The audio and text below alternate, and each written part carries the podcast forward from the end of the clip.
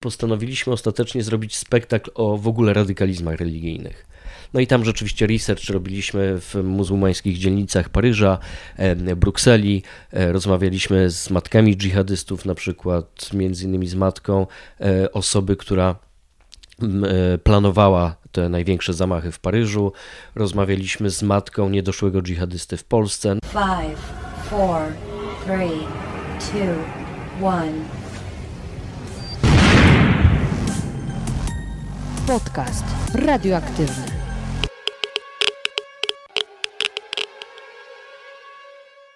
Dzień dobry, dzień dobry. Ja nazywam się Małgosia Zmaczyńska, a ty słuchasz podcastu radioaktywnego, czyli luźnych rozmów na nietypowe tematy. Każdy odcinek, dostępny też jako wideo na YouTube, to spotkanie z ciekawym człowiekiem, dzięki któremu nabierzesz świeżego spojrzenia na tylko z pozoru oczywiste sprawy. Do ilu potrafi liczyć gołąb? Dlaczego dopełniacz jest satanistą? Jak wyglądają kulisy pracy policjantki, stewardesy, polarnika i strażaka? Słuchaj podcastu co poniedziałek, aby dobrze rozpocząć nowy tydzień. Przyglądając się nie tylko zagranicznemu, ale również polskiemu rynkowi podcastów, łatwo zauważyć, że największą popularnością cieszą się podcasty kryminalne. Co chwilę pojawiają się nowe kanały poświęcone tej tematyce i w szybkim tempie trafiają na szczyt rankingu najpopularniejszych podcastów. Niedawno grono to poszerzyło się o pierwszy polski reporterski serial podcastowy Śledztwo Pisma, w którym w kolejnych odcinkach poznajemy kulisy wydarzeń tak nadzwyczajnych, że aż trudno uwierzyć, że miały miejsce naprawdę. Przewodnikiem po tej mrożącej krew w żyłach historii, a zarazem moim dzisiejszym gościem jest dziennikarz Mirosław Wlekły. Spotkaliśmy się, aby porozmawiać o niezwykłej pracy reportera, a momentami wręcz dziennikarza śledczego. Serdecznie zapraszam Was do wysłuchania naszej rozmowy. Dzień dobry, dzień dobry. E, dzień dobry. Mój drogi, bardzo się cieszę, że udało nam się spotkać, pomimo że jesteś teraz zabieganym człowiekiem. E, chwilowo tylko. No właśnie, chwilowo to nie wiem, powiem Ci, bo jak zobaczyłam e, na to, zrobiłam sobie research, przejrzałam, co zrobiłeś w tym roku, to jest tego mnóstwo. I zastanawiam się właśnie, na ile chwilowo jesteś zabiegany, a na ile po prostu jesteś takim człowiekiem, który bardzo dużo lubi robić e, i to takich wielkich rzeczy. Nie, ja w tym roku zrobiłem tylko podcast. Niczym innym w tym roku się nie zajmowałem. E, wiem, że premiera książki nałożyła się na premierę śledztwa pisma, e, natomiast książkę przygotowa przygotowywałem wcześniej. Książka -hmm. właściwie została zakończona w styczniu. W styczniu jeszcze na kilka dni pojechałem do Walii, aby mm, dopisać posłowie do tej książki e, i szła do drukarni. Natychmiast właściwie przerzuciłem się na śledztwo pisma i, i skupiłem się na nim niemal całkowicie. Także w tym roku poza śledztwem niczym innym się nie zajmowałem. Okej, okay, czyli teraz powiedzmy spijasz tą śmietankę z wcześniejszych no, projektów. No tak się złożyło już trochę nieszczęśliwie może, bo, bo, bo to trochę jest uciążliwe, jeśli jednocześnie trzeba rozmawiać o jednym i o drugim, przeskakiwać z tematu na temat. Ale tak sobie myślę, że to jest chyba bardzo ciekawy dla ciebie czas, taki e, intensywny właśnie przez to, że dużo rzeczy teraz wychodzi, jak się okazuje, że to nie teraz powstały. No w sumie logiczne, że książka nie mogła powstać chwilę temu, tylko trzeba było jeszcze ją wydać. Ale no my się poznaliśmy na premierze podcastu Pisma, Śledztwo Pisma, którym jesteś właściwie człowiekiem orkiestrą, bo zarówno jesteś narratorem tej historii, o której na pewno porozmawiamy, żeby też inni wiedzieli, o czym mówimy, e, ale też ty całe śledztwo przeprowadziłeś. E, oprócz tego teraz pojawiła się twoja książka, tutaj ją pokażemy do kadru, mm, Gareth Jones, Człowiek, który wiedział za dużo. E, I to jest też książka o człowieku, o którym w tym samym momencie pojawił się film Agnieszki Holland. Tak, z tym, że najpierw był film, to znaczy najpierw e, e, Agnieszka Holland przystąpiła do realizacji filmu, a potem wydawnictwo Znak z Krakowa zaproponowało jej i producentom filmu, e, aby napisać książkę też o tym człowieku. E, książka nie pokrywa się całkowicie z filmem, ponieważ w filmie oczywiście są elementy fikcyjne, to jest film fabularny, nie da się nakręcić filmu fabularnego tylko na podstawie faktów, więc trzeba tam oczywiście jakiś wątek miłosny dołożyć, e, skrócić, uprościć, prawda, w dwugodzinnej narracji nie da się wszystkiego powiedzieć, całego życia mhm. bohatera. Książka natomiast natomiast jest w 100% non-fiction. Jest e, taką właściwie quasi biografią Gareta Jonesa. E, także szły te dwa projekty jakoś obok siebie, trochę się uzupełniając, pomagając sobie nawzajem, a, a to raczej oni pomagali mi, bo scenarzystka filmu, nowojorska dziennikarka Andrea Halupa udostępniła mi cały materiał, który przez lata zbierała do napisania tego scenariusza. To ciekawe, to ja nie wiedziałam, że to właśnie w ten sposób. Właśnie miałam nawet Cię zapytać, czy to był przypadek, że tak nagle ta historia wyszła z obu stron, a to jednak była kwestia współpracy. Nie, w pewnym momencie Agnieszka Holland podczas jakiegoś spotkania w Warszawie powiedziała, że będzie kręcić taki film. No i reakcja wydawnictwa Znak była natychmiastowa. Jeszcze tego samego dnia do niej zadzwonili. Okazało się, że i Agnieszka Holland, i producenci tego filmu, e, bardzo im to na rękę, żeby ta książka powstała, bo zdawali sobie sprawę, że e, materiał jest olbrzymi, historia jest przeciekawa i nie da się jej oczywiście nawet w 10% zawrzeć w filmie fabularnym, który jest doskonały i serdecznie na film Obywatel Jones zapraszam. E, natomiast książka rzeczywiście uzupełnia. Fajnie sobie po wyjściu z kina przeczytać taką książkę i dowiedzieć się e, no niemal wszystkiego o życiu tego człowieka. Co było trochę właśnie fabułą tylko, a co y, stricte faktami. Do książki jeszcze wrócimy, bo y, no to jest taka, wydaje mi się, takie twoje najnowsze dziecko, można by powiedzieć, pomimo podcastu. Ale właśnie skupmy się na chwilę na podcaście, bo kiedy do mnie zwróciły się dziewczyny z pisma, zapraszając mnie na premierę podcastu, i wysłały pierwszy chyba odcinek, tak, wtedy wysłały mi pierwszy przedpremierowo, e, żebym się zapoznała i, i dała znać, jak mi się podoba. To moja pierwsza reakcja była taka, że ja raczej nie jestem zwolenniczką podcastów kryminalnych. Mhm. Um, kilka wysłuchałam z kryminatorium od Marcina.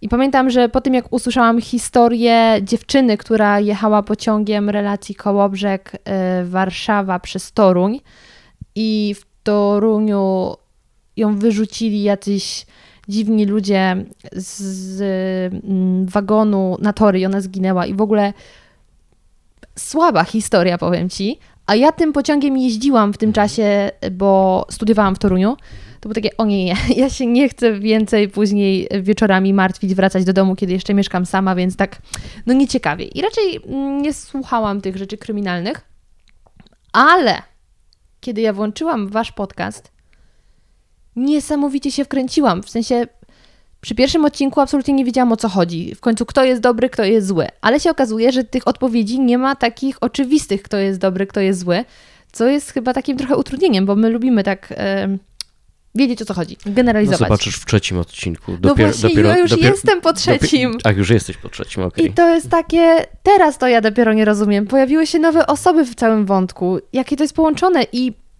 moja y, recenzja, powiedzmy, że tak powiem, y, którą wysłałam Ewie, która mi podesłała te przedpremierowe odcinki, była taka, słuchaj, to jest nieprawdopodobne. Jeśli ktoś by nagrał taki film, napisał scenariusz, nagrał taki film, to ludzie by stwierdzili, mmm, trochę naciągane, bo te rzeczy nie mogłyby się wydarzyć w jednym wątku, a to się wydarzyło i to naprawdę. To muszę Ci powiedzieć o jednym z bohaterów tego podcastu, bo wszystkim to opowiadam. E, to mi dało bardzo do, do myślenia. Ta osoba, która pojawia się w trzecim odcinku, w pewnym momencie wynajęła prywatnego detektywa.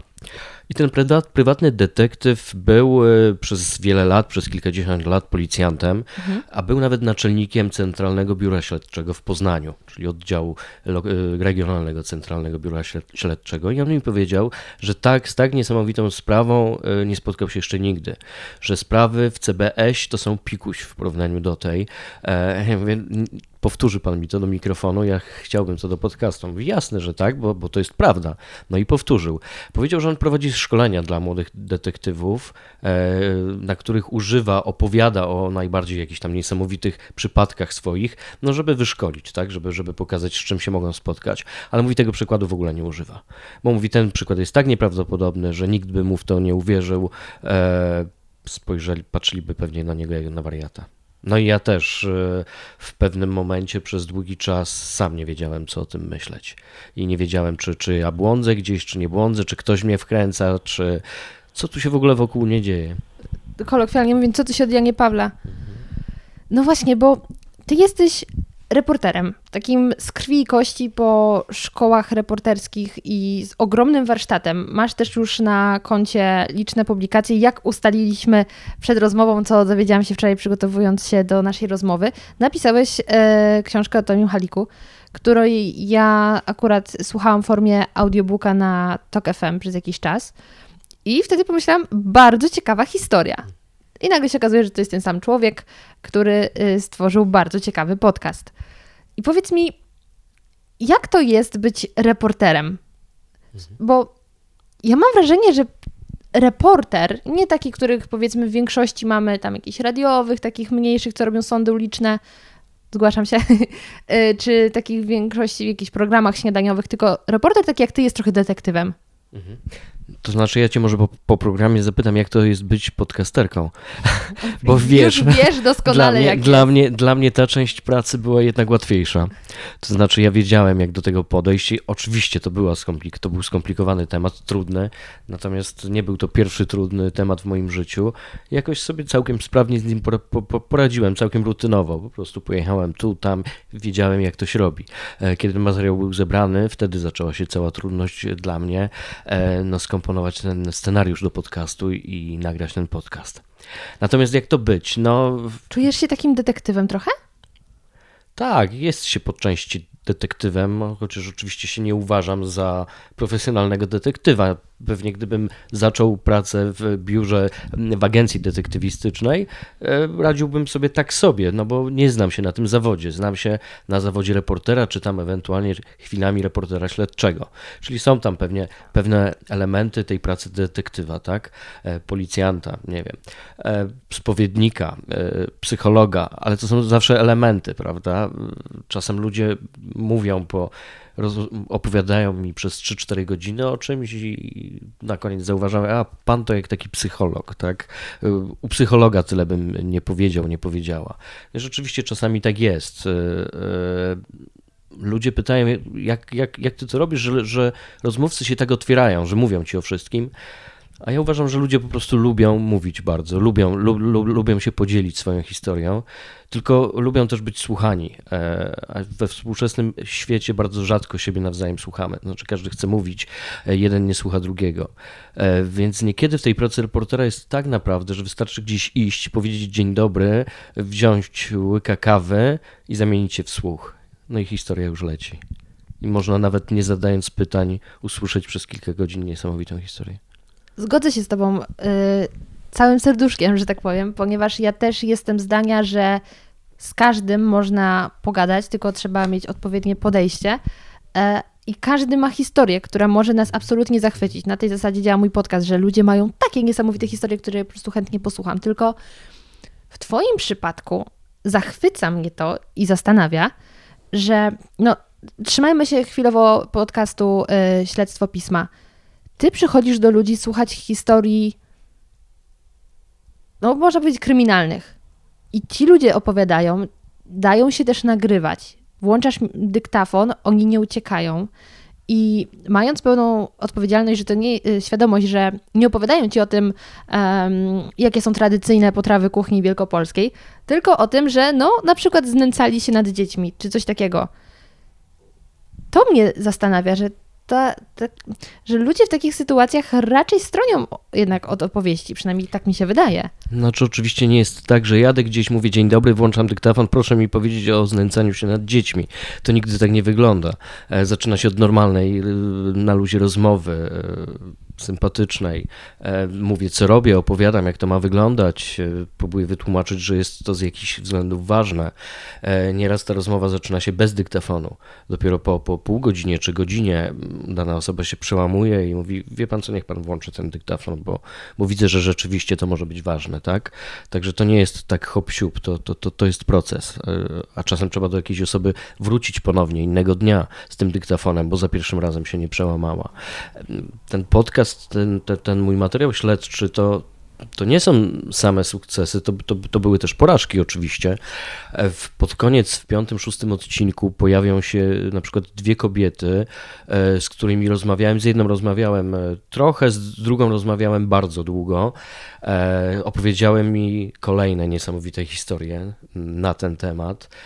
Niestety żadna z nich nie, nie pozwoliła się nagrać. Znaczy jedna, jedna w ogóle nie pozwoliła się nagrać, druga pozwoliła się nagrywać, ale na potrzeby no, moje, żebym mógł sobie spisać e, treść tej długiej rozmowy. Potem próbowałem ją, ją, ją, przekonać, że super byłby jej głos, bo bardzo fajnie się wypowiadała.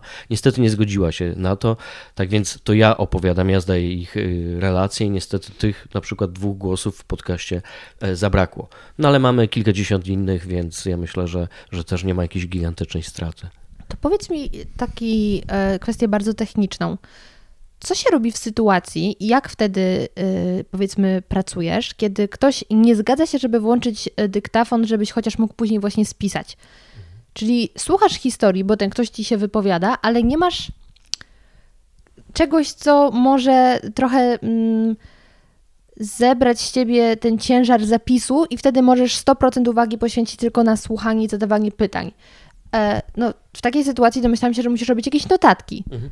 Znaczy tak, oczywiście robię szybkie notatki. Wiesz co, ja przez e, pierwsze lata moje dziennikarstwa, ja w ogóle bardzo nie lubiłem dyktafonu, bo ja bardzo uważałem, że to ten dyktafon e, najbardziej przeszkadza w rozmowie z drugim człowiekiem.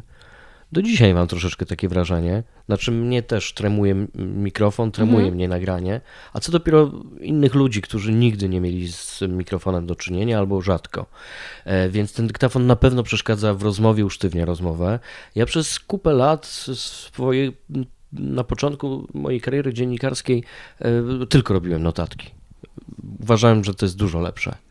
Potem e, tak się stało, że zacząłem e, dość dużo pracować za granicą. Byłem wysyłany przez Gazetę Wyborczą, czy to do Argentyny, czy to Dominikany i ja już sobie tu nie wyobrażałem robienia notatek, jednak czułem, że precyzyjniej będzie nagrywać rozmowy po hiszpańsku, czy, czy gdzieś tam po portugalsku, no bo aż tak płynnie nie mówię w tych językach e, czułem, że muszę jednak to po powrocie do domu spisać. I to był taki moment, kiedy tak na dobre zacząłem używać dyktafonu.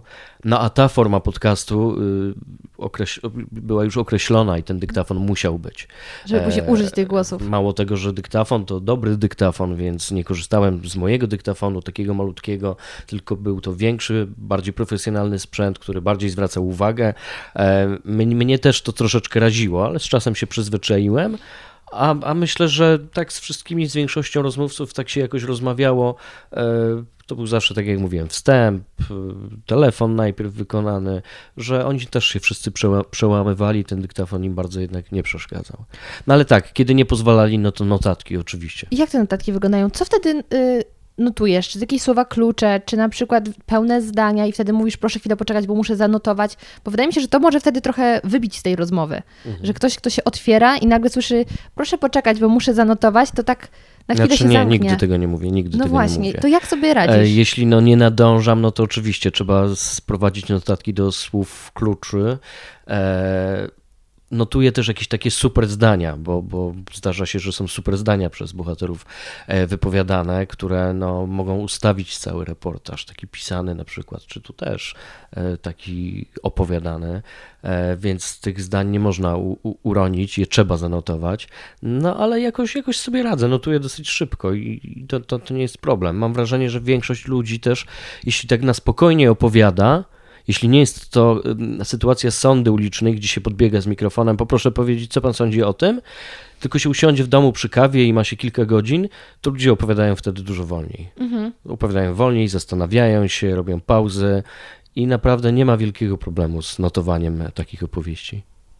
Wspomniałeś, że jak e, byłeś za granicą, to wtedy nagrywałeś w rodzimym, powiedzmy, tamtejszym języku. Faktycznie Znasz hiszpański i portugalski? No tak, tak. Ale uczyłeś się ich kiedyś i teraz masz tego efekty, czy uczyłeś się y, z myślą, że będziesz tego używał w pracy, bo będziesz chciał być reporterem zagranicznym?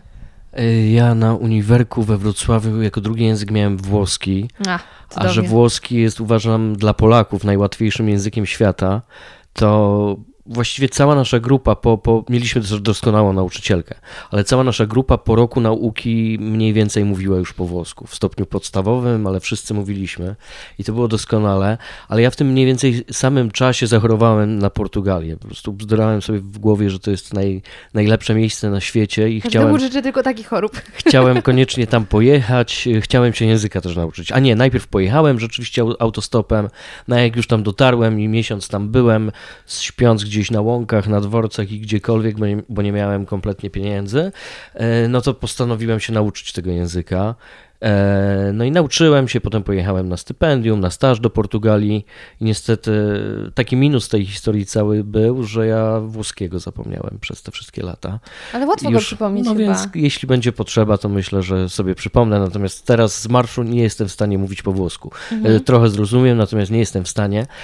No a od portugalskiego było już tak blisko do hiszpańskiego, że mając potem w życiu dużo kontaktów z Hiszpanami, ja się właściwie hiszpańskiego bardzo szybko też nauczyłem bez, e, bez większej nauki, bez, bez książek. Mhm. Mhm. A to fascynujące, że zacząłeś od włoskiego przez portugalski do hiszpańskiego, bo wiele osób zaczyna od hiszpańskiego, potem przechodzi do włoskiego, a później ewentualnie portugalski. Mhm. E, ta moja droga, polecę od razu, jest e, dużo prostsza. To znaczy portugalski jest tak trudny, w wymowie szczególnie. Ja tylko znam jedno słowo obrigada. Mhm. Koniec.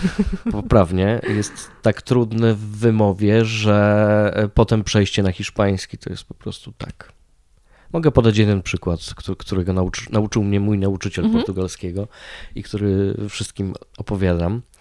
Takie sformułowanie Stowarzyszenie Studentów Amerykańskich, które jest po hiszpańsku i po portugalsku właściwie identycznie zapisywane. Nie ma większych różnic w zapisie. Mhm.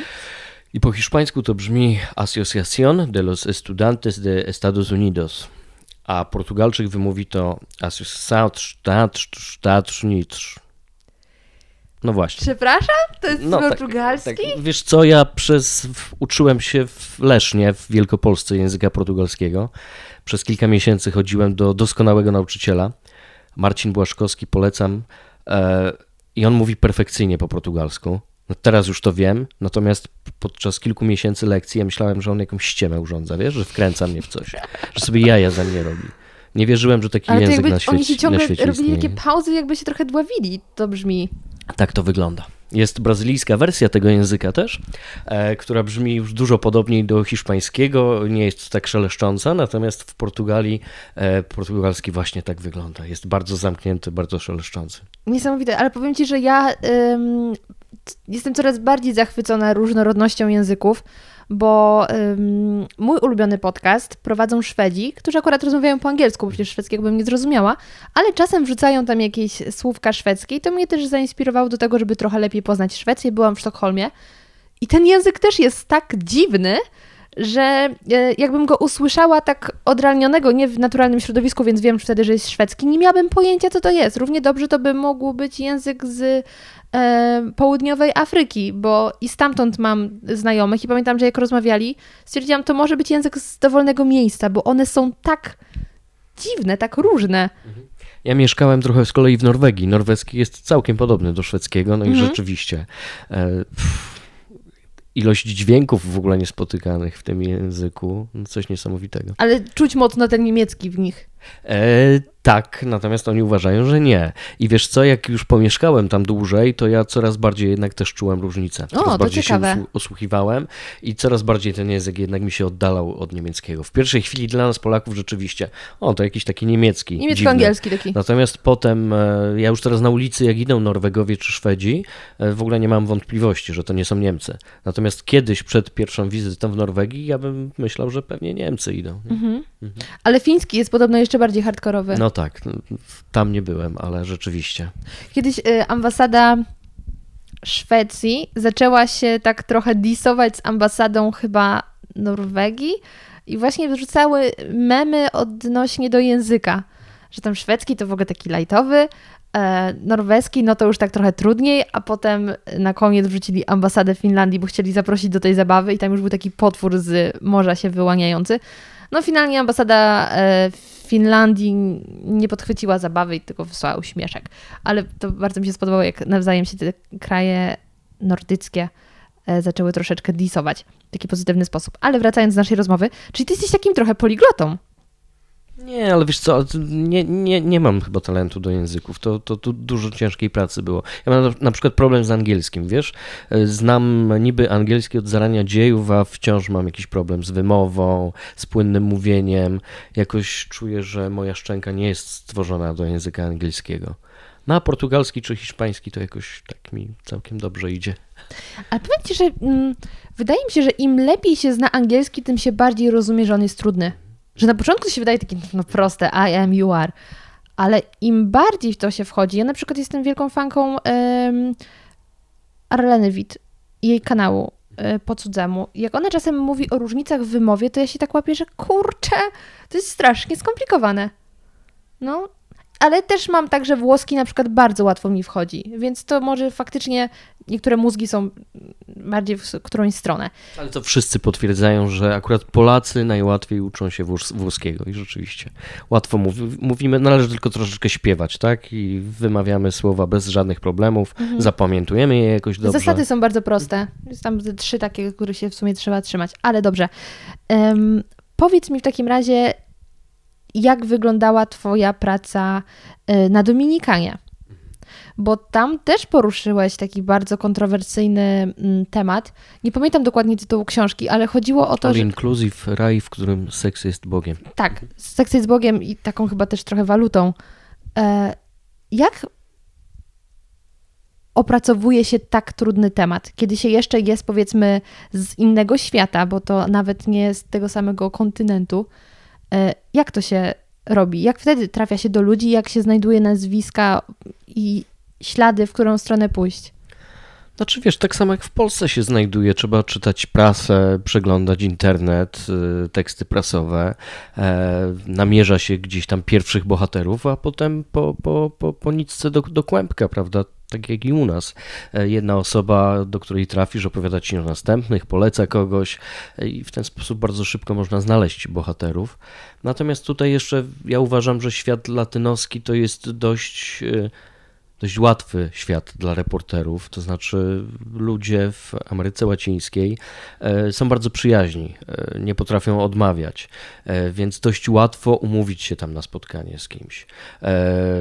Co prawda zdarza się spóźniać im, więc czasem trzeba poczekać na, takie na, na, na, na przyjście takiego bohatera z 2-3 godzinki, e, bo jemu się zapomni a, albo zajmie się czymś innym po drodze, co się w Polsce w ogóle nie zdarza na taką skalę. Natomiast prędzej czy później on się z tobą spotka i to mi się wydaje bardzo łatwe. Nie wiem, jak gdzieś pracowałem na przykład e, w Belgii czy w Anglii, to czułem już jakiś opór, czułem, że to umówienie się z bohaterem jest dużo, dużo trudniejsze. E, są te osoby mniej otwarte i niekoniecznie godzą się na rozmowę. Natomiast e, ta moja praca, czy w, na Dominikanie, czy w Brazylii, czy w Argentynie, miałem wrażenie momentami, że to było wręcz łatwiejsze niż w Polsce. A powiedz mi, jak jeszcze byłeś studentem, to czy ty od razu zakładałeś, że chcesz być właśnie takim reporterem trochę śledczym, który wydaje książki i tam opisuje w dużej mierze, wydaje książki, bo też piszesz do, do gazet, ale swoje reportaże i pytanie kluczowe zagranicznym w takim mocnym stopniu? Nie, wiesz co, to długa droga była w ogóle. E, początki moje to było dziennikarstwo sportowe. To ty mówisz. W pierwszych chwilach się żużlem w ogóle zajmowałem. To było takie zajmowanie się, żeby sobie dorobić na studiach już od pierwszego roku. Pisywałem dla tygodnika żużlowego na przykład, potem do innych gazet sportowych. Wiesz co, było w ogóle niesamowite w bezrobocie, kiedy ja byłem na studiach dziennikarskich we Wrocławiu. Bezrobocie sięgało wtedy w Polsce 20%, y, z gazet wszystkich zwalniali. Mogę zapytać, jakie to były lata? E, ojej, jakie to były lata, żebym ja sobie teraz przypomniał. E, początek 2000 lat, tak. tak. Okej, okay, to się 2000, wszystko 2001, zmieniało jeszcze. 2. Mhm. I wiesz co, no naprawdę nie było pracy. Ja, nas na roku było 100 osób i ja naprawdę nie kojarzę z moich znajomych nikogo, kto by był dziennikarzem dzisiaj. Nie wiem, może nie wiem o kimś, ale wyda wydaje mi się, że być może jestem jedynym dziennikarzem. Albo w bardzo lokalnych, znaczy, małych redakcjach. Nie, chyba nie. Wszyscy sobie dużo fajniejsze prace znaleźli i lepiej płatne, tak? Także wszyscy sobie doskonale radzą. Jeden jest reżyserem, ktoś tam, dużo osób w PR pracuje. Wszyscy oczywiście sobie bardzo dobrze poradzili. No, w porę zrozumieli, że dziennikarstwo to jest bardzo trudny kawałek chleba i już minęły te czasy, kiedy fajnie jest być dziennikarzem. E, no myślę, na... że w ogóle pojęcie dziennikarz się bardzo zdewoluowało. No tak, oczywiście, zdecydowanie, zdecydowanie. To, to, to ja, ja, czuję, że kiedy ja zaczynałem, to już było bardzo źle, a teraz jest dużo gorzej. No i wiesz co, ja po prostu musiałem dorabiać sobie do studiów i zamiast dorabiać w barze, to dorabiałem na początku w gazecie żużlowej, potem jakiś był staż w innej gazecie sportowej. Ale miałem to szczęście, że w tamtych czasach żył jeszcze Ryszard Kapuściński. Raz w roku przyjeżdżał do nas z wykładem i ja się tym Kapuścińskim i jego twórczością coraz bardziej zacząłem e, zachwycać. I najpierw przede wszystkim e, zachwyciłem się byciem korespondentem wojennym. Jeszcze nie, tak, nie do końca reportażem, ale moim marzeniem było bycie korespondentem wojennym, jeżdżenie tam, gdzie niebezpiecznie, przywożenie e, do Polski takich niesamowitych historii. E, potem jednak bardzo szybko się okazało, że ten zawód też już się kończy, że, że, że właściwie nie ma miejsca dla, dla korespondentów wojennych, albo jest miejsce dla nielicznych tylko.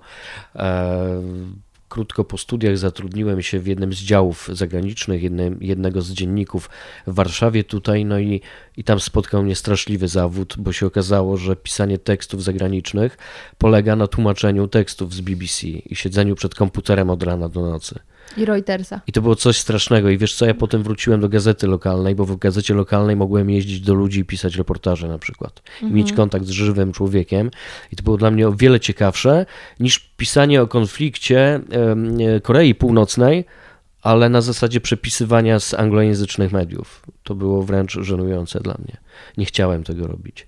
I rzeczywiście wróciłem do gazety lokalnej, e, pisywałem też e, trochę do Newsweek, ale rzeczywiście tak powoli, bardzo powoli prze, prze, przestawiałem się na ten reportaż i reportaż coraz bardziej mnie zachwycał, więc to były najpierw reportaże w prasie lokalnej, takie mini reportaże w Newsweeku, no a potem e, przydarzył się duży format, czyli reporterski dodatek Gazety Wyborczej, no i zdarzyło się właśnie kilka pierwszych wyjazdów zagranicznych. Byłem wysłany przez ten duży format. No i właśnie w dużym formacie też w tamtych latach przydarzył mi się ten tekst o Agacie i Janie, od którego wszystko się zaczęło i teraz kontynuuję historię w śledztwie pisma. E, to do nich za momencik jeszcze wrócimy, ale chciałam Cię zapytać, powiedziałeś, że powoli zacząłeś się przekonywać do reportażu, do tego formatu. Co Cię najbardziej urzeka w tej formie? Wiesz co, y, ja na przykład z całej pracy dziennikarskiej, czego ja nie cierpię, szczerze nie cierpię, to takiej sądy ulicznej właśnie. Czyli po to, prostu, co ja najbardziej lubiłam. Wiesz, y, brakuje mi śmiałości do tego. Znaczy, hmm. nie mam wystarczająco śmiałości, żeby podbiec do kogoś pieszącego się na ulicy z mikrofonem i zapytać go o kilka słów. Po prostu nie potrafię tego robić. Nawet czasem jak muszę, bo jest mi to do czegoś potrzebne, to, to jest to dla mnie horror, wiesz? I horrorem stawały się dla mnie takie, takie pisanie szybkich tekstów na telefon, albo jadę do kogoś i mam pół, pół, godziny szybko, bo trzeba jeszcze trzy inne teksty dzisiaj napisać. I coraz więcej, coraz częściej sobie zdawałem sprawę, że, że te teksty są niepełne, często przekłamane, e, brakuje tam jakiegoś głosu, który by jednak uświadomił, że nie do końca wcale jest tak. E, a reportaż jednak jest jakąś taką najpełniejszą formą dziennikarską, gdzie możesz dużo czasu poświęcić e, wszystkim swoim bohaterom. E, możesz w skupieniu usiąść na te pół dnia i przez bite pięć godzin słuchać, kto, co, kto ci ma do powiedzenia, tak? I stać się tym w cudzysłowie psychologiem. Stać się tym psychologiem. Oczywiście nie, jest, nie jestem psychologiem, Oczywiście. nie jestem detektywem, nie jestem policjantem, jestem reporterem, który gdzieś tam korzysta pewnie z pewnych elementów, bardzo amatorsko, ale korzysta. E, no i to, to, to jest dla mnie du, du, dużo fajniejsza forma, forma opowiadania o świecie ludziom. Taka pełna, e, dłuższa, o wiele dłuższa, no i też bardzo często obudowana w, w bardzo fajną formę literacką. E, powiem, że ja przez jakiś czas pracowałam obok redakcji portalu. Akurat był kobiecy, motoryzacyjny kilka innych.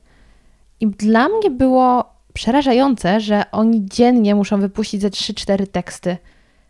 Co porządnego możesz stworzyć, pogłębić research, jeśli w ciągu powiedzmy 8 godzin pracy masz wypuścić 4 tematy, a jeszcze po drodze tam jakiś lanczyk, papierosek. I nagle na jeden temat poświęcasz powiedzmy pół godziny i wtedy masz kalkę albo z zagranicznych portali, albo sytuację, w której na początku dnia napiszesz, że na przykład dany produkt jest w porządku i dobry dla zdrowia, ale już wieczorem, kiedy wejdziesz na inny portal zagraniczny, który powiedział, że jednak ten produkt jest zły, napiszesz taki post. I właśnie, czy to jest obecnie dziennikarstwo, a tych ludzi się tak nazywa. Co, podam Ci taki przykład. Pracuję właśnie w tej chwili nad scenariuszem do spektaklu teatralnego, do Teatru Słowackiego w Krakowie. Znaczy ja od kilku lat zajmuję się w ogóle takim teatrem dokumentalnym. Wraz, to też jest dla mnie bardzo ciekawe wraz, zagadnienie. Wraz z reżyserką Katarzyną Szyngierą y, robimy reportaże, które potem przerabiamy na scenariusz y, teatralny. No i Kasia reżyseruje, reżyseruje spektakle na, na, na podstawie tego. I wzięliśmy teraz na warsztat jedzenie. Premiera ma być w kwietniu przyszłego roku i zajmujemy się jedzeniem. I wiesz, odkrywamy od kilku miesięcy tak niesamowite przekłamania w prasie na temat jedzenia. Znaczy, przepytuje się różnych ekspertów, oni y, mówią na podstawie jakichś badań, a potem jak my szukamy, to okazuje się, że te badania były sponsorowane przez jakąś firmę Ojejku, tak. i wcale nie są rzetelne że wcale nie jest tak, jak ta osoba mówi, bo wszelkie badania światowe mówią zupełnie inaczej, no ale dziennikarze tacy w redakcjach y, na co dzień pracujący tam, no nie mają czasu na weryfikowanie tych wszystkich informacji. To jest zbyt trudne, trzeba za dużo czasu na to poświęcić.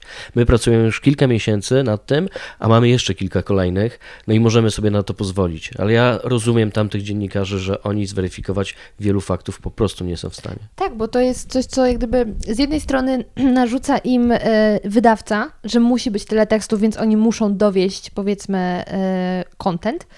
A z drugiej strony wydawca naciska, bo wie, jaki jest internet, że ludzie potrzebują na, Oczywiście potrzebują albo do tego się przyzwyczaili, że co chwilę mają nowe newsy. Natomiast poruszyłeś temat jedzenia, który jest ogromnie mi bliski i ja też mam właśnie e, drugi podcast kulinarny, w którym no też daję sobie dużo czasu na zrobienie researchu o danym zagadnieniu i to jest niesamowite, że ja nie mogę się nigdy podpierać polskim internetem, bo nie ma treści.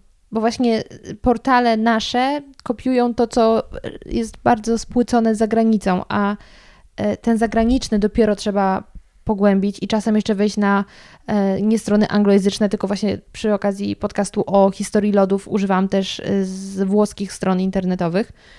I wtedy można zbudować coś, co jest trochę głębsze a temat jedzenia jest okropnie przekłamany. Wiesz co, no ja ci powiem, że gadaliśmy o tym, że niby wieloma tematami się zajmowałem, ale nie spotkałem się jeszcze z żadnym zagadnieniem w moim życiu, gdzie panowałoby takie kłamstwo, e, takie pomylenie pojęć, i taka kompletna niewiedza. Jestem zszokowany. Muszę ci powiedzieć, że po kilku miesiącach researchu jestem strasznie zszokowany.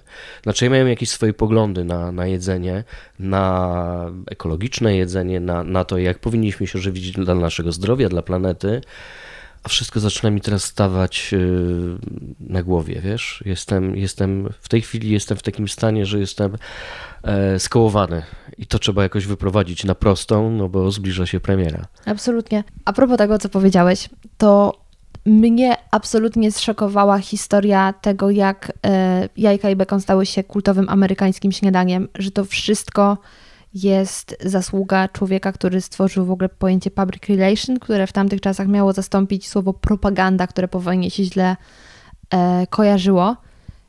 I to była tak, prost, tak prosty zabieg, żeby nagle Amerykanie zamiast e, płatków śniadaniowych i szklanki soku pomarańczowego, który też był bardzo wtedy popularny w Stanach, zaczęli jeść jajka i bekon.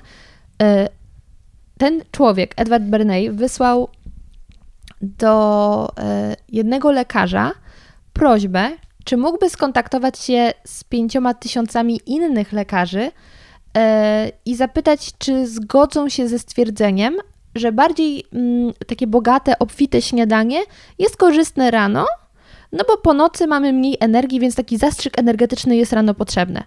No i oni wysłali te zapytania. Większość odpowiedzi, które uzyskali, była twierdząca, i tylko na podstawie tego jednego zabiegu, bo to ciężko w ogóle nazwać badaniem, powstała kampania, która była w ogóle zlecona przez firmę, która sprzedawała paczkowane produkty mięsne i bekon sprzedawał im się najsłabiej. Na podstawie tego stworzyli, że powinniśmy na śniadanie jeść jajka i bekon, bo to jest dobre dla naszego zdrowia.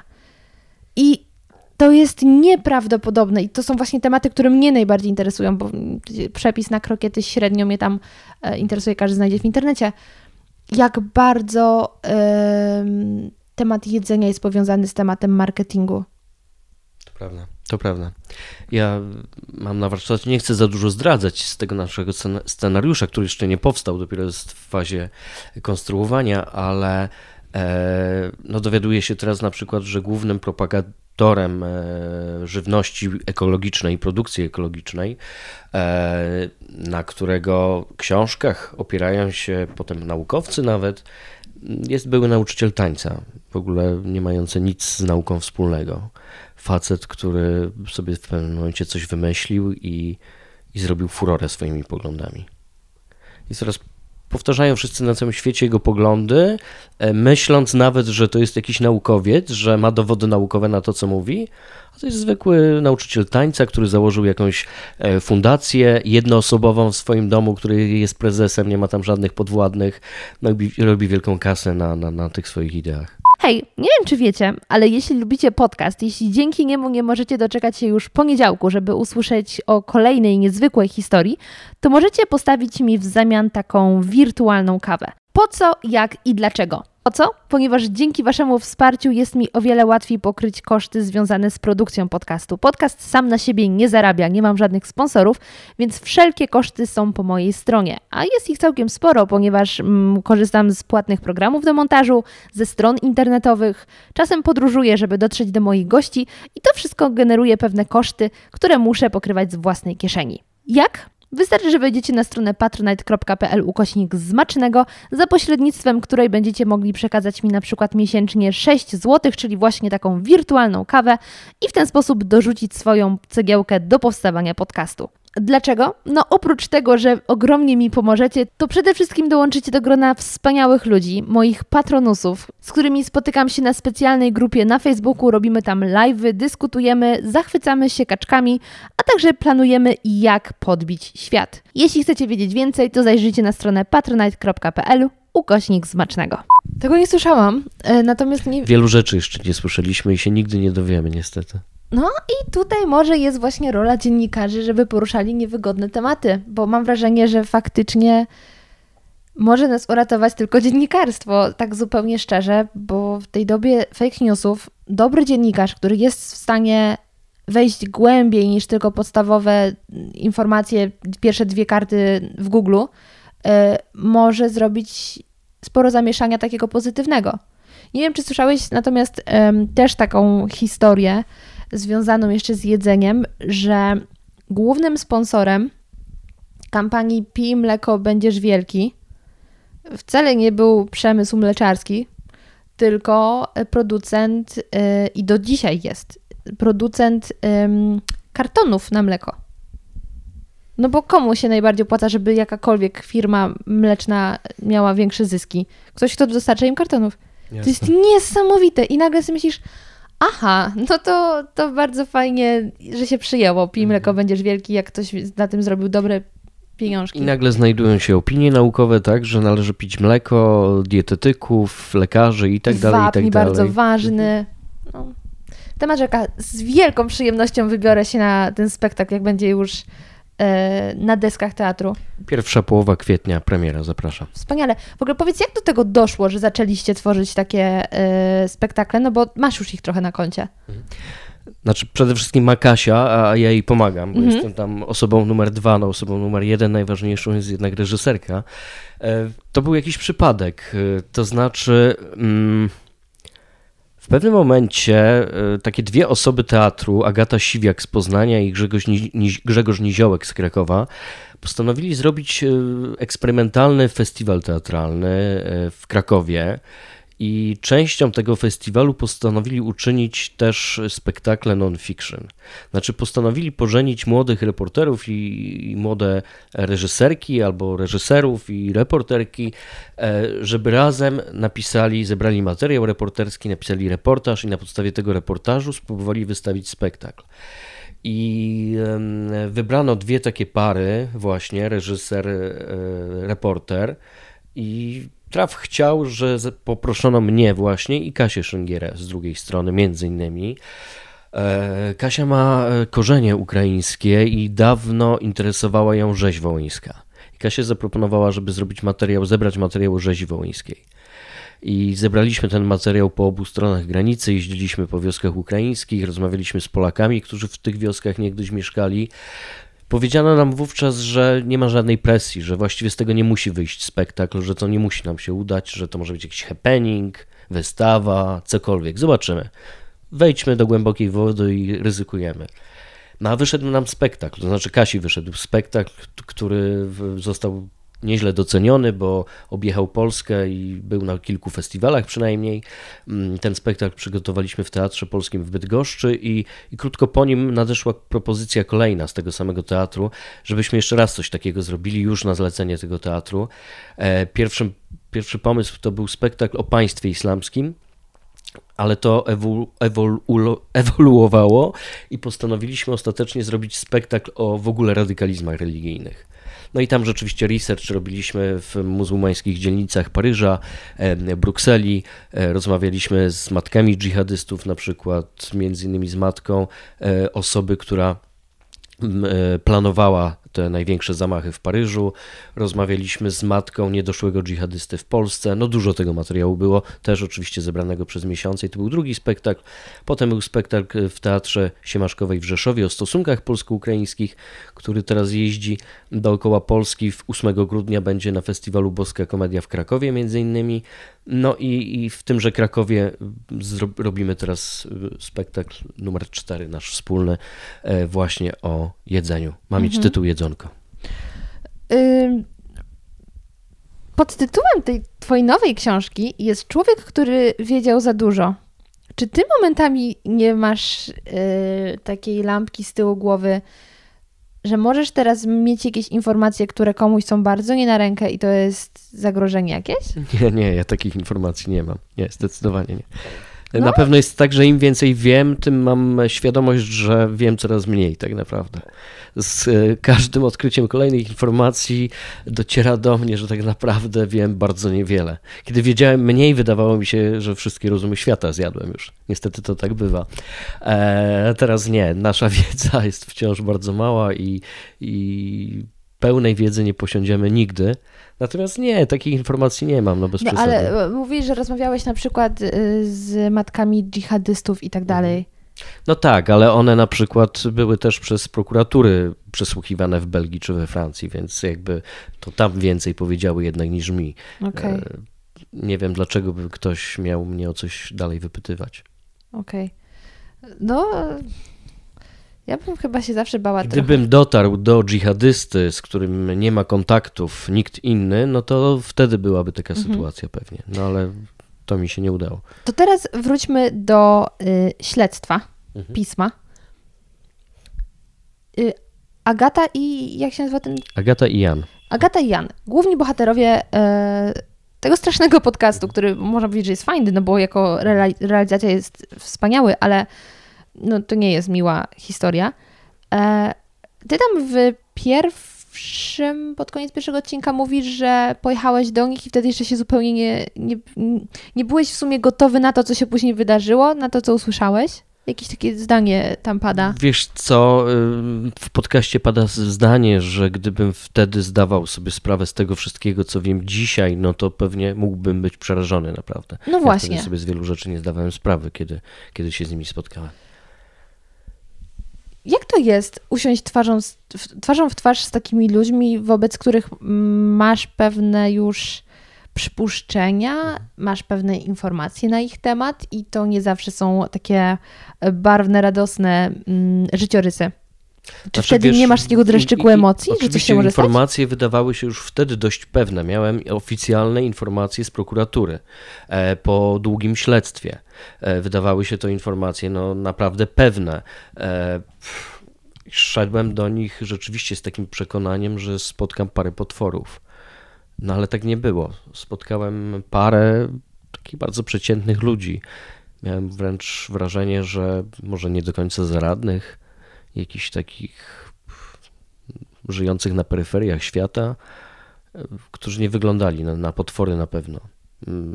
I zacząłem mieć wątpliwości, czy, czy rzeczywiście, czy oni byli skłonni do, do, do popełniania tych wszystkich okrucieństw. Wcale nie byłem tego tak pewien po spotkaniu z nimi.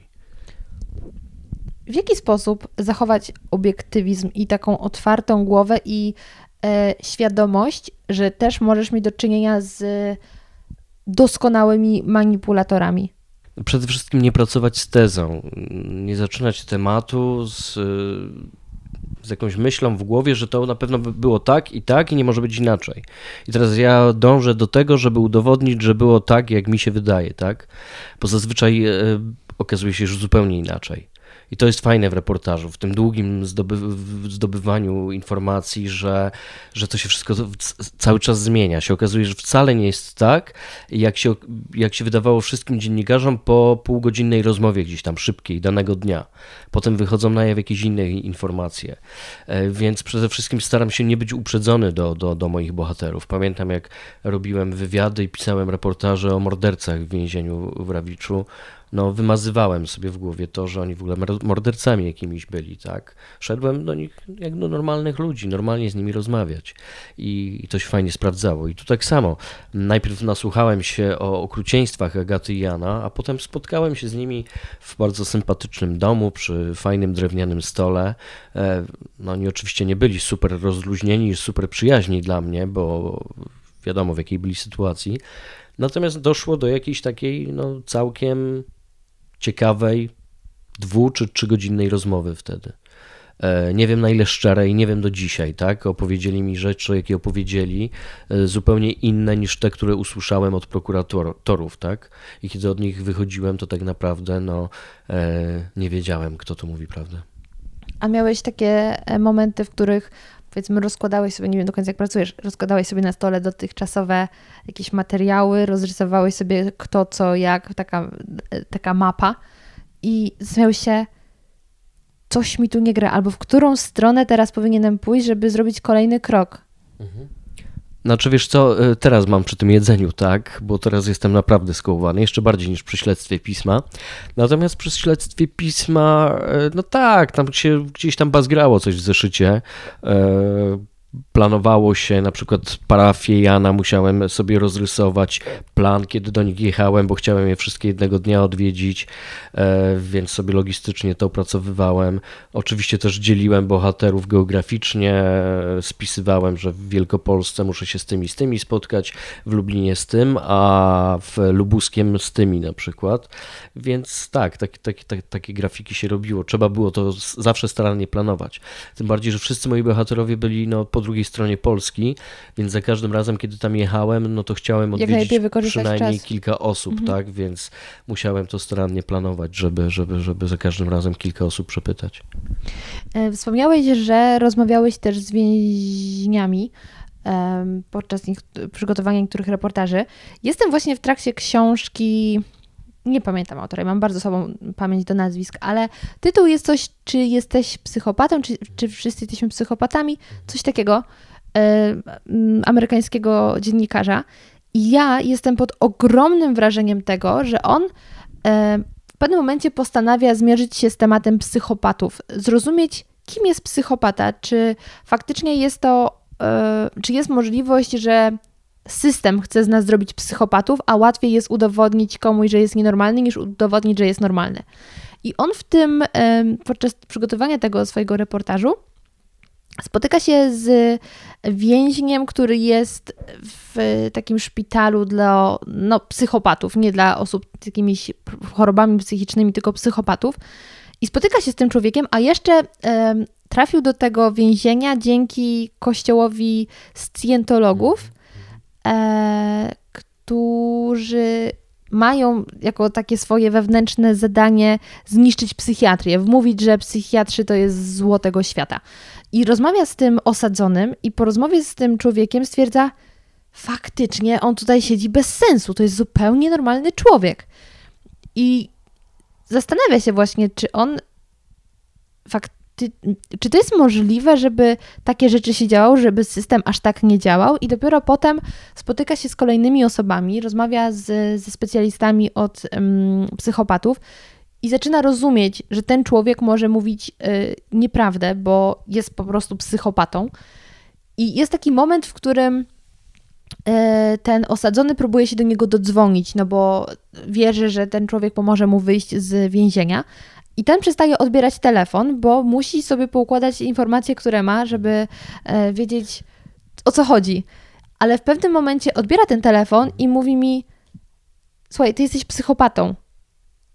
A ten osadzony mówi: O, czyli jednak się gdyby na swoją stronę ściągnęli. I dla mnie to, że on tak wprost powiedział: Wiesz co, ty jesteś psychopatą, było dla mnie takie: Wow, mnie w takiej sytuacji było niewyobrażalne powiedzieć psychopacie, że ja wiem, że jesteś psychopatą e, i przejść na tym do porządku dziennego, no bo tak ten człowiek jest trochę niebezpieczny i może też cię zamordować, jeśli jednak wyjdzie kiedyś z tego więzienia, a ty mu w twarz mówisz, wiesz co, jesteś psychopatą. I tak no to są dla mnie takie momenty, kiedy y, stwierdzam, praca dziennikarza, reportera jest ogromnie trudna i jak wyglądały Twoje rozmowy y, z więźniami właśnie?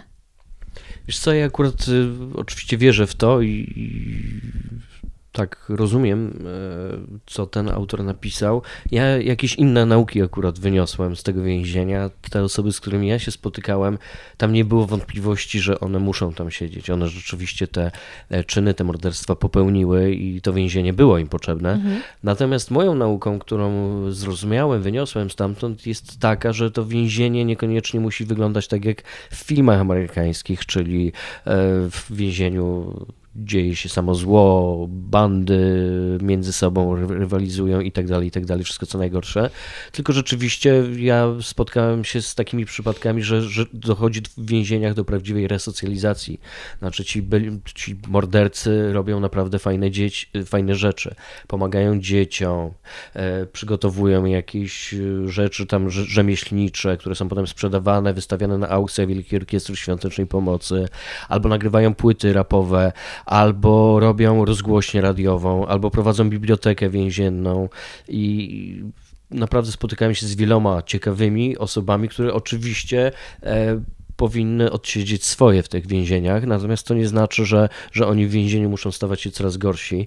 E, wręcz przeciwnie, więzienie jest miejscem, w którym można się też poprawić i, i znaleźć jeszcze nadzieję na dalsze życie po wyjściu z tego więzienia. A jak robisz, jak sobie radzisz z tymi wszystkimi historiami, które słyszysz? Żeby wrócić do domu i tak, okej, okay, to moja praca, odcinam się, wracam do rodziny. No, przy śledztwie pisma to było trudne, bo to była bardzo intensywna praca, pół roku intensywnej pracy. E, intensywna praca z bohaterami, potem jeszcze z osobami z redakcji i z Basią Sową i z Piotrem Nesterowiczem, więc czasem gdzieś tam wracałem, odrywałem się od tej pracy, a potem z nimi jeszcze czy wieczorem, czy rano e, spotykaliśmy się, jeszcze trzeba było to przegadać i w pewnym momencie ja już naprawdę miałem taki odruch wymiotny, e, kiedy słyszałem po raz kolejny o tym temacie. Już w pewnym momencie e, miałem kompletny przesyt, tak, no ale musiałem jakoś dobrnąć do końca, ale to przyznam, że śledztwo pisma pod tym względem było jednym z trudniejszych zadań moich w życiu. Chyba to i a, a, a drugi, drugi taki temat to właśnie książka o Dominikanie, czyli All Inclusive Life, w którym seks jest Bogiem. Mogę powiedzieć z całą pewnością tak, to były dwa najtrudniejsze tematy w moim życiu. Ale powiedz mi, bo ja na przykład jeśli zaczynam zgłębiać jakiś temat, który mnie porusza, z którym się nie zgadzam na to po prostu jak jest, to trochę mnie to tak niszczy, że ja na przykład jestem bezradna, nie mogę nic zrobić. A i tak są to jakieś takie tematy mm, dość ogólne, gdzie też nie zżywam się tak bardzo z jakimiś e, bohaterami, powiedzmy, tych historii, bo na przykład tylko czytam na ten temat, a ty jednak wchodzisz w tę historię i często masz takie poczucie bezsilności, złości na to, jaki jest i że chciałbyś coś zrobić, ale nie możesz? Znaczy staram się aż tak głęboko jednak chyba nie wchodzić, bo, bo wtedy bym chyba zniszczył sam siebie. Y, to by było nie do wytrzymania, bo wiadomo, że po tej historii przyjdzie następna i następna i następna, no to jest mój zawód. E, ja muszę teraz y, o tej historii ze śledztwem pisma, no niejako troszeczkę zapomnieć, odciąć się od niej, bo czekają mnie następne, też niełatwe zadania i gdyby to wszystko we mnie się kumulowało, no to byłoby nie do wytrzymania. Pamiętam rozmowę do śledztwa z, mm, z psycholożką, z panią dr Krause, mm, której mniej więcej opisałem, co tam się wydarzyło. Chciałem, żeby to skomentowała. Wydawało mi się, że mało jej powiedziałem, że powinienem jej doprecyzować, jeszcze więcej opowiedzieć. Ona mówi, że nie, nie, wystarczy. To jest już tak obciążające, co jej przekazałem, że ona ma już tego dosyć. Wystarczy już tych historii po prostu. No a ja musiałem z tym żyć przez pół roku. Więc ja się staram odcinać, oczywiście. Staram się założyć, że pracuję tylko do 16, na przykład jak w biurze. I oczywiście nie zawsze się to do końca udaje, ale naprawdę kiedy tylko można. Zamykam notatniki, komputer, zostawiam to gdzieś tam pod biurkiem i od 16 żyję swoim prywatnym życiem e, i staram się nie przejmować jednak e, wtedy przez chwilę chociaż losami moich bohaterów, no bo nie byłbym w stanie tego po prostu udźwignąć. E, a powiedziałeś, że masz świadomość, że zaraz zajmiesz się kolejnym tematem. Powiedz mi, czy tobie zazwyczaj tematy są powiedzmy narzucane, że właśnie ktoś robi książkę i ty przyjmujesz ten temat, czy też bardziej coś cię zaciekawi, chcesz zgłębić, albo nawet siadasz przed komputerem i stwierdzasz, o czym by tutaj teraz zrobić reportaż? I sobie wpisujesz różne hasła, o czymś na przykład mówi na świecie. Tak na zmianę chyba to wyszło. Pierwsza książka to o Dominikanie, to byłem wysłany przez Gazetę Wyborczą. Znaczy zapytali, czy mnie interesuje taki wyjazd, taki reportaż. Oczywiście mnie interesował. Potem przyszła propozycja książki. Tonego Halika to mogę powiedzieć ja bardziej wymyśliłem, natomiast e, wydawnictwo szybko zdecydowało się na, e, na to, żeby zainwestować w biografię. Trzecia książka, Raban o Kościele nie z tej ziemi, e, to była książka, do której ja bardzo parłem, nalegałem i co, co prawda wspólnie wymyśliliśmy, jak tę książkę napisać w wydawnictwie, natomiast to ona mi chodziła po głowie przez wiele lat. No i Gareth Jones znowu spadł mi z nieba, to znaczy dostałem propozycję od wydawnictwa, także jakoś tak na przemian, 50-50 jest. Raz, raz jest to mój temat, raz temat z zewnątrz, który mi się po prostu podoba i go przyjmuję. To porozmawiamy na chwilę o Rabanie, który też tutaj leży, więc osoby, które nas oglądają, mają szczęście zobaczyć od razu. To jest książka, na, na okładce której, nie wiem czy widać, jest papież na drabinie E, i on gra w kółko i krzyżyk, a kółkiem jest pacywka. Dlaczego tak bardzo zależało ci na tej książce? Wiesz co, to, to, to było tak, że w pewnym momencie, kiedy Jorge Bergoglio został papieżem, e, w Gazecie Wyborczej uświadomiono sobie, że my w Polsce niewiele wiemy o Argentynie. On sam, kiedy został ogłoszony papieżem, powiedział: Przybywam do was z końca świata. No a my to sobie wtedy zdaliśmy sprawę, że my o tym końcu świata nic nie wiemy. Znaczy, że piją wino tam, jedzą wołowinę i dobrych piłkarzy mają. Aha, i tango tańczą. No i na tym się kończyła nasza wiedza o tym kraju. Y, Gazeta Wyborcza postanowiła wysłać wtedy kogoś, żeby opisał w, w serii reportaży Argentynę trochę, nie tylko kościół argentyński, nie tylko Jorge Bergoglio, tylko w ogóle ten kraj. No i ja, te, ja tak mi się, tak się złożyło, że to ja pojechałem, e, przywiozłem wtedy serię reportaży, e, i dotarłem do takich najbliższych księży Jorge Bergolia. Znaczy się okazało tam na miejscu, że on jak był arcybiskupem Buenos Aires, to skompletował zastęp takich 20, mówiło się o nich, rycerze Bergolia. bardzo młodzi księża, bardzo postępowi, e, w wznoszonych butach chodzący, jeżdżący na starych, rozklekotanych rowerach. I Bergoglio ich rzucił do slumsów Buenos Aires, w których wcześniej w ogóle księży nie było. Ja postanowiłem o tych księżach ze slumsów napisać reportaż. Okazało się, że tam nie jest tak łatwo dotrzeć, bo wchodzę do jednej taksówki, drugiej, taksówkarz mówi, nie, nie, my tam nie jeździmy. Tam nawet policja nie jeździ. No tak jak w Brazylii. Tak jak w Brazylii, tylko się mniej mówi o slumsach Buenos Aires. No i musiałem się dowiedzieć, jak w takim razie tam dotrę. No to ci księża mi tłumaczyli, dojedź do y, blisko dzielnicy, a ja po ciebie tam przyjdę, przyjadę na rowerze i wej, wejdziemy razem do, do dzielnicy, ze mną ci nic nie grozi. No i rzeczywiście za każdym razem tak było. Szedłem z tym młodym księdzem, który zazwyczaj był gdzieś moim rówieśnikiem i wszyscy mu się tam kłaniali. I tylko mi mówił, no tutaj uważaj, tutaj, tutaj milczmy teraz, nie rzucaj się w oczy, nie rób zdjęć, bo to jest morderca tutaj, który tu przechodzi na przykład. I poczekaj, dygresja. I teraz chodząc po takich y, miejscach, ty dalej nie masz takiego poczucia, że jesteś, może ci coś grozić? Wiesz co, ja mam, bardzo ufam ludziom. I jeśli ci księża, którzy wydawali mi się bardzo wiarygodni, mówili, że ze mną ci nic tam nie grozi, no to ja im bardzo wierzyłem. A wiesz, tam przemili ludzie żyją w tych slumsach, tylko z wielkimi problemami. I oczywiście wśród tych e, tysięcy ludzi z wielkimi problemami zdarzają się kryminaliści ale to też jest rzadkość tak naprawdę, tylko że, że jest ich tam więcej niż w innych dzielnicach, powiedzmy. Jest tam niesamowita bieda i analfabetyzm i tak dalej, rzeczy, które nas przerażają, ale to nie znaczy, że tam są wszyscy źli. Spotykamy tam naprawdę wspaniałych ludzi. no i wiesz co, i...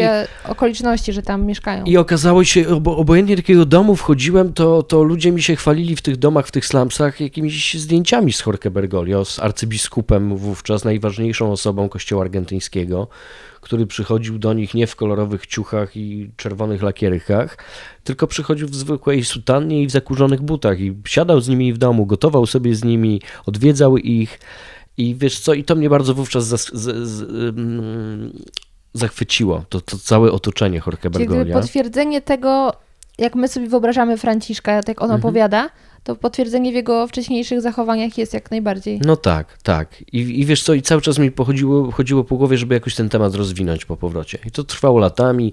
Ja rozmawiałem z moimi redaktorami w wydawnictwie Agora cały czas o tym z Karoliną Opanowicz i Pawłem Goźlińskim i w pewnym momencie wspólnie wpadliśmy na taki pomysł, żeby ruszyć dookoła świata i opisać e, za pomocą zwykłych, prostych historii o zwykłych ludziach e, jego wizję Kościoła. Z tym, że nie jest to, zaznaczam, tylko kościo- e, książka o Kościele. Tę książkę mogą czytać równie dobrze ateiści. Jest to trochę tak, wydawnictwo na tyle książki napisało, że jest to trochę raport o stanie świata, bo jest rozdział o ekologii, jest rozdział o uchodźcach, o jakiejś koegzystencji naszej, naszej wspólnej wspólnej na tym świecie, międzyrasowej, międzyreligijnej, e, jest rozdział o biedzie i tak naprawdę, gdyby wyłączyć tam powiedzmy jakieś akapity dotyczące samego Franciszka i jakichś takich zagadnień czysto kościelnych, to ta książka byłaby po prostu książką o dzisiejszym współczesnym świecie, a, a nie o kościele. I też o tym, jak może być trochę lepiej, nie? No tak, oczywiście, bo jakby e, takie było moje założenie. Ta książka jest trochę utopią. Pytają mnie o tym, no przecież świat nie jest taki idealny. No tak, ale ja szukałem tych pozytywnych historii jednak. Chciałem pokazać, do, do jakiego ideału możemy dążyć. Jak możemy traktować uchodźców, jak możemy traktować ludzi z innych religii, e, jak e, możemy walczyć o, o ekologię i ochronę środowiska, jak możemy walczyć z biedą. Właśnie takie historii na świecie wyszukiwałem, właśnie w kręgach kościelnych, które które pokazują nam, jak dążyć do jakiegoś tam e, wzoru, jak mogliśmy, moglibyśmy tak naprawdę żyć. Bardzo ciekawe. I fajnie. Właśnie masz takie, mm, takie myśli, że dzięki takim książkom masz taki realny wpływ na świat? Że możesz w jakiś sposób zaszczepić u kogoś myśl i coś się zmieni? Może, może, może nie, mam nie, nie, nie mam świadomości, że mam wpływ, może bardziej chciałbym mieć wpływ. O, e, nie sądzę, że, że, że, że te książki jakiś wielki wpływ wywierają.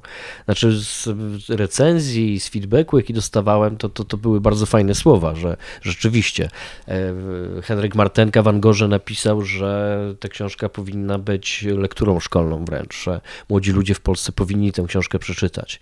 E, wróciłem właśnie z targów książki w Krakowie i też jedna osoba do mnie podeszła i powiedziała to samo, że ta książka powinna być lekturą obowiązkową. Fajnie się słyszy takie, takie rzeczy i rzeczywiście ja czuję, że jeśli miałbym mówić o jakimś przesłaniu którejś z moich książek, to, to przesłanie Rabanu jest rzeczywiście najmocniejsze takie. Jest to, to, to taka moja najmocniejsza pozycja. Mam takie wrażenie, która bardzo aktualnie opowiada o tym, w jakim świecie żyjemy i co się w tej chwili na świecie dzieje. I ona jest w, też, wydaje mi się, o tyle fajna, że w tym momencie mamy mnóstwo publikacji o kościele, ale z tej strony takiej naszej powiedzmy polskiej, czyli wytyka się mm, te poszczególne problemy, albo też widzę, że nawet ty masz u siebie Sodomę e, na półeczce z książkami. I to też jest książka, która no no nie jest zbyt dobrym obrazem kościoła. I sam się do niej przyczyniłem, muszę przyznać. To znaczy byłem polskim researcherem wraz z Marcinem Wójcikiem, byłem polskim researcherem autora tej książki Frederika Martela, o, także tego nie wiedziałam. odrobinę ją współtworzyłem, zresztą potem pojechałem e, do Watykanu na kilka dni spędzić z Frederikiem Martelem. E, pisałem, e, pisałem sporo o tej książce po, tuż po jej wydaniu w Polsce. No to powiem Ci, że mi zaimponowałeś. Jeszcze bardziej. Więc, więc, więc poprawiam się, nie tylko, nie tylko śledztwo pisma, bo w lutym zajmowałem się trochę tą książką też i poleciałem do Watykanu. To był luty, tuż przed rozpoczęciem śledztwa pisma. I to jest książka, która, tak jak e, powiedziałam, ona wkłada kij w mrowisko i jest absolutnie niewygodna. Jak pracowało Ci się w takim razie przy researchu do tej książki, też wiedząc, jaka jest obecnie sytuacja w Polsce, że to y, film y, braci Sekielskich, no poruszył, poruszył i y, to, gdzieś widziałam, że bracia Sekielscy zostali uznani chyba teraz jednych, za jednych z najbardziej wpływowych osób w Polsce, więc jak tworzyło ci się tą książkę przy tej sytuacji? Znaczy wiesz, ja nic wielkiego przy niej nie robiłem. Wynajdowałem, wyszukiwałem w internecie jakieś na przykład artykuły, e, które się w Polsce ukazały. E, robiłem jakiś skrót e, na angielski, wysyłałem Frederikowi. Także to nie był jakiś wielki research tutaj. Oczywiście całe zadanie on wykonał. Natomiast no, ta jego praca jest godna podziwu, bo on na 5 lat właściwie zamieszkał w Watykanie. Pomieszkiwał tam w różnych miejscach, codziennie spotykając się z z różnymi ludźmi kościoła i rzeczywiście bardzo głęboko wszedł w ten temat, inaczej nie byłby w stanie takiej książki napisać. No właśnie. No, ja jestem mocno poruszona tym, co w tej książce jest napisane i to... A wiesz co, najlepsze jest Ciężko to, że to wszystko znowu brzmi bardzo niewiarygodnie, tak? Ale jak się Ale zaczynasz zastanawiać, to brzmi bardzo Pojechałem do Watykanu i z Frederikiem Martelem zaczęliśmy odwiedzać różne osoby. I między innymi jednym z naszych rozmówców był watykanista, bardzo znanego dziennika włoskiego, e, który nic na temat tego typu afer, tego typu spraw wcześniej nie pisał. I spotkaliśmy się z nim na kawie w, w jednej z kawiarni, i on powiedział, że wszystko to jest prawda. Wszyscy o tym wiedzą w Rzymie. Tylko jemu na przykład nie wolno o tych sprawach pisać. No właśnie. Szefostwo się nie zgadza. Włosi się boją wciąż poruszać takie tematy. No musiał pojawić się Francuz e, nieustraszony, żeby, żeby napisać taką książkę, ale to rzeczywiście na miejscu dowiedziałem się, że Włosi, włoscy dziennikarze zdają sobie sprawę z tego, co pisał Martel, natomiast e, Włochy jeszcze nie są gotowe, żeby takie tematy poruszać.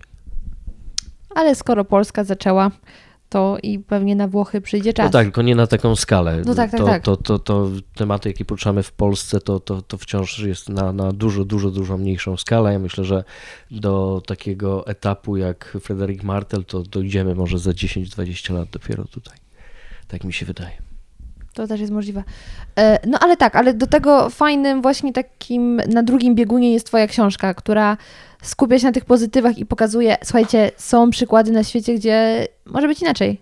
No tak, bo mnie razi antyklerykalizm, tak, ja nie jestem uprzedzony do kościoła. To, że się w jednym tekście, czy w dziesięciu tekstach, czy w książce, nawet jego inclusive, wytyka błędy i grzechy kościoła, to nie znaczy, że ja uważam, że wszystko w kościele jest złe, tak? Mhm. Są rzeczy bardzo złe w kościele, ale bywają też dobre.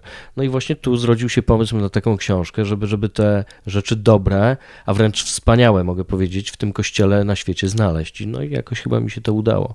Powiem tylko, że, że podróżowałem od Argentyny przez Czechy, Brazylię, Anglię, Belgię, Liban, aż po Birmę. Także jest to rzeczywiście taki mini objazd świata w poszukiwaniu nauczania papieża Franciszka.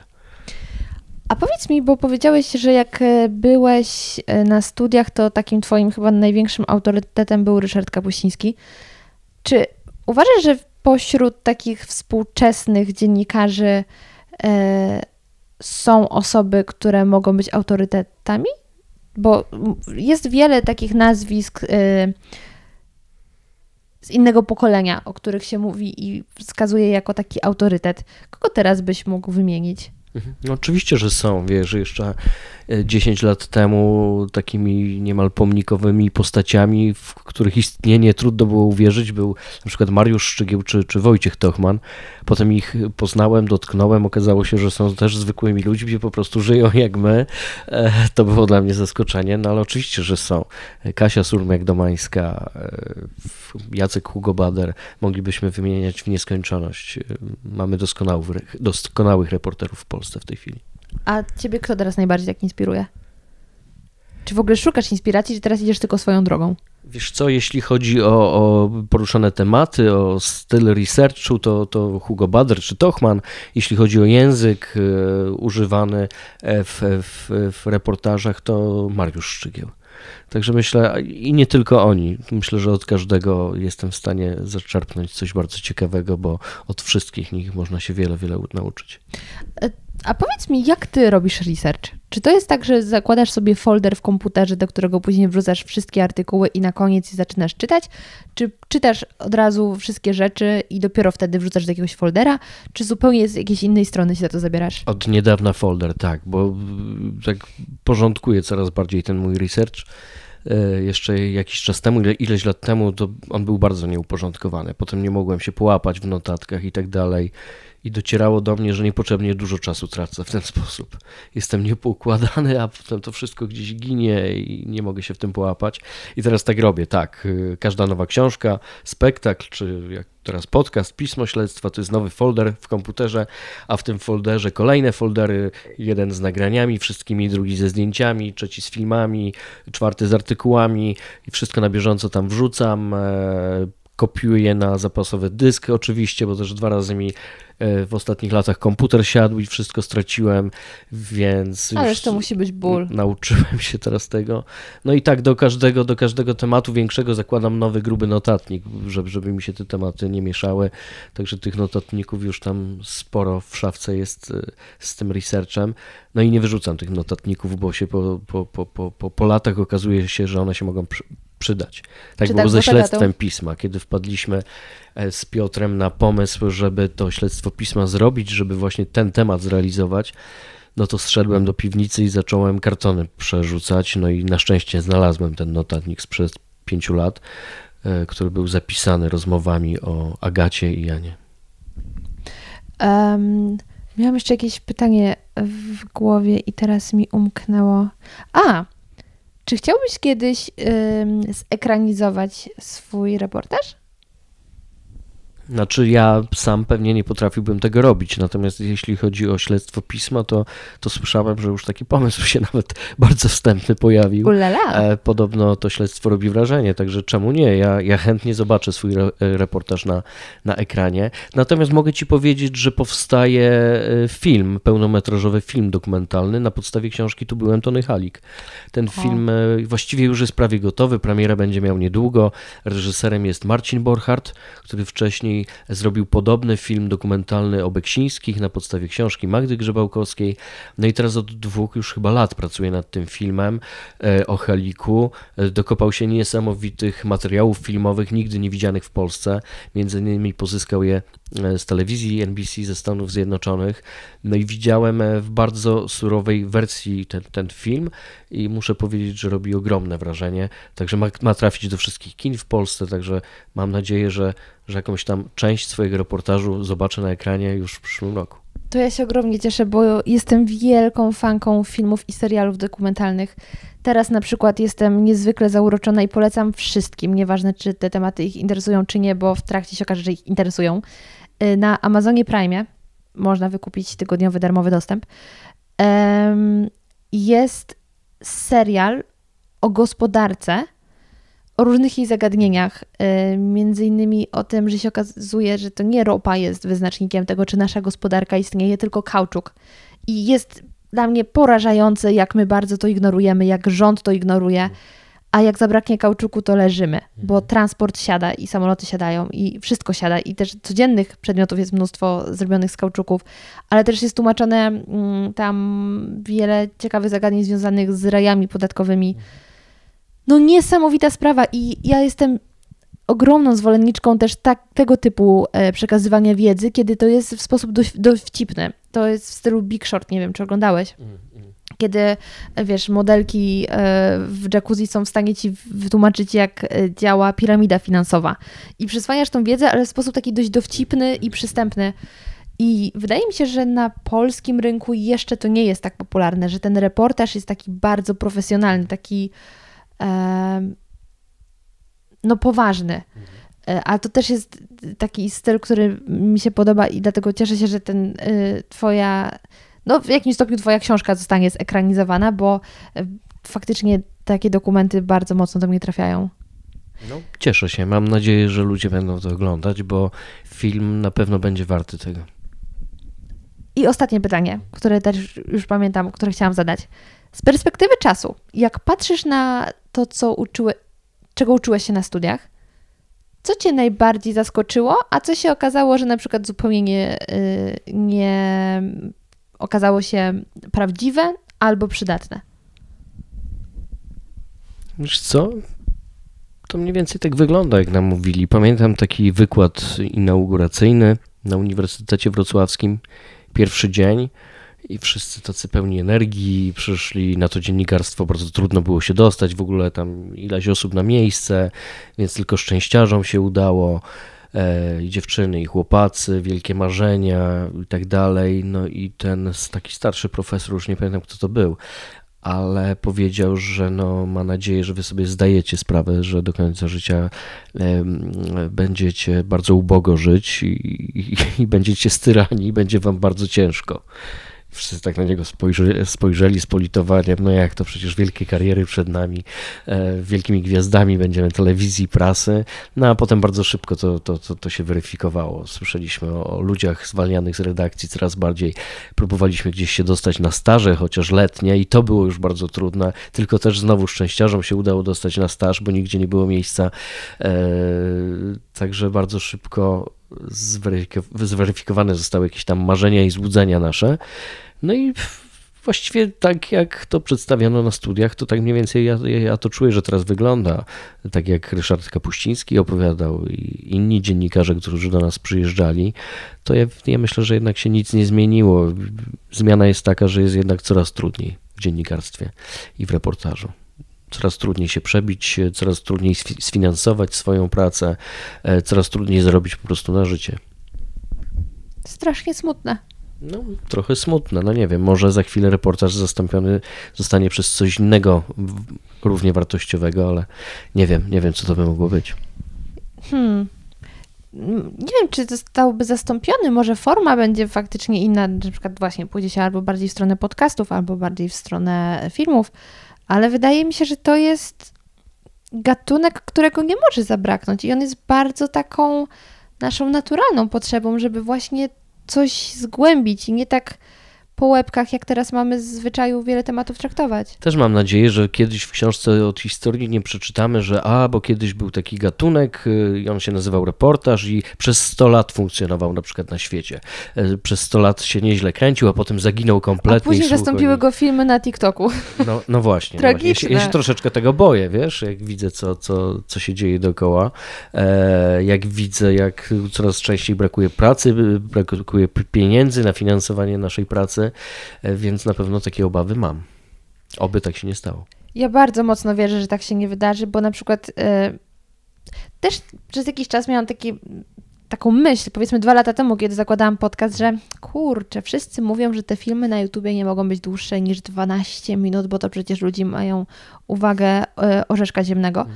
Ale nagle się okazuje, że ludzie są w stanie słuchać i 3 godzinnych podcastów i to na jakieś mądre tematy, nie tam koniecznie dziwne zastosowanie na przykład cebuli albo mam e, wannę pełną piłeczek. I ludzie są ciekawi świata, tylko czasami albo nie wiedzą, jak dotrzeć do tych treści, albo trzeba im zasygnalizować, że to może cię zaciekawić. Więc ja bardzo mocno wierzę, że e, to nie wszystek umarł i, i ten reportaż nie zginie, bo są ludzie, którzy chcą wiedzieć więcej. Oby, oby. Także życzę nam i Tobie, żebyś jak najdłużej był w pełni sił i z zapałem realizował te tematy, bo robisz kawał świetnej roboty. I ja zachęcam wszystkich do zarówno sięgnięcia po Twoje książki, jak i odpalenia podcastu e, Śledztwo Pisma, bo możecie nam wierzyć, że absolutnie nie spodziewacie się tego, co tam usłyszycie. No tak, bardzo do śledztwa pisma zachęcam, bo tam czeka Państwa jeszcze mnóstwo niespodziewanych zdarzeń. Przede mną też są, bo ja jestem dopiero po trzech odcinkach. Także Zachęcam. czekam. Dziękuję Ci serdecznie, że znalazłeś dla mnie czas. No i mam nadzieję, że jeszcze będziemy mieli okazję się spotkać. Bardzo dziękuję, do zobaczenia. I jak wrażenia? Mam nadzieję, że dowiedzieliście się z tego podcastu wielu ciekawych informacji i że dzięki niemu nabraliście jeszcze większego szacunku do pracy dziennikarzy, a także reporterów. Uważam, że są to naprawdę ważne i potrzebne nam zawody, dzięki którym możemy dowiadywać się, co dzieje się na świecie, zarówno jeśli chodzi o ważne albo trudne tematy, jak i te znacznie przyjemniejsze, jak poznawanie i rozumienie innych kultur. Zachęcam Was bardzo gorąco do tego, abyście posłuchali podcastu Śledztwo Pisma, który prowadzi Mirosław. Jestem przekonana, że Was również ta historia bardzo pochłonie. Przypominam, że jeśli chcecie pozostać ze mną w kontakcie, to jestem na Instagramie zmaczne.go, a także na Facebooku podcast radioaktywny, a mój adres e-mail to podcastradioaktywny.gmail.com. I pamiętajcie, że jeśli dotychczas nie poleciliście podcastu swoim znajomym, to koniecznie to zróbcie. Niech oni również poznają wspaniały świat podcastów i kto wie, być może polubią poniedziałki. Bardzo Wam dziękuję i do usłyszenia już niedługo.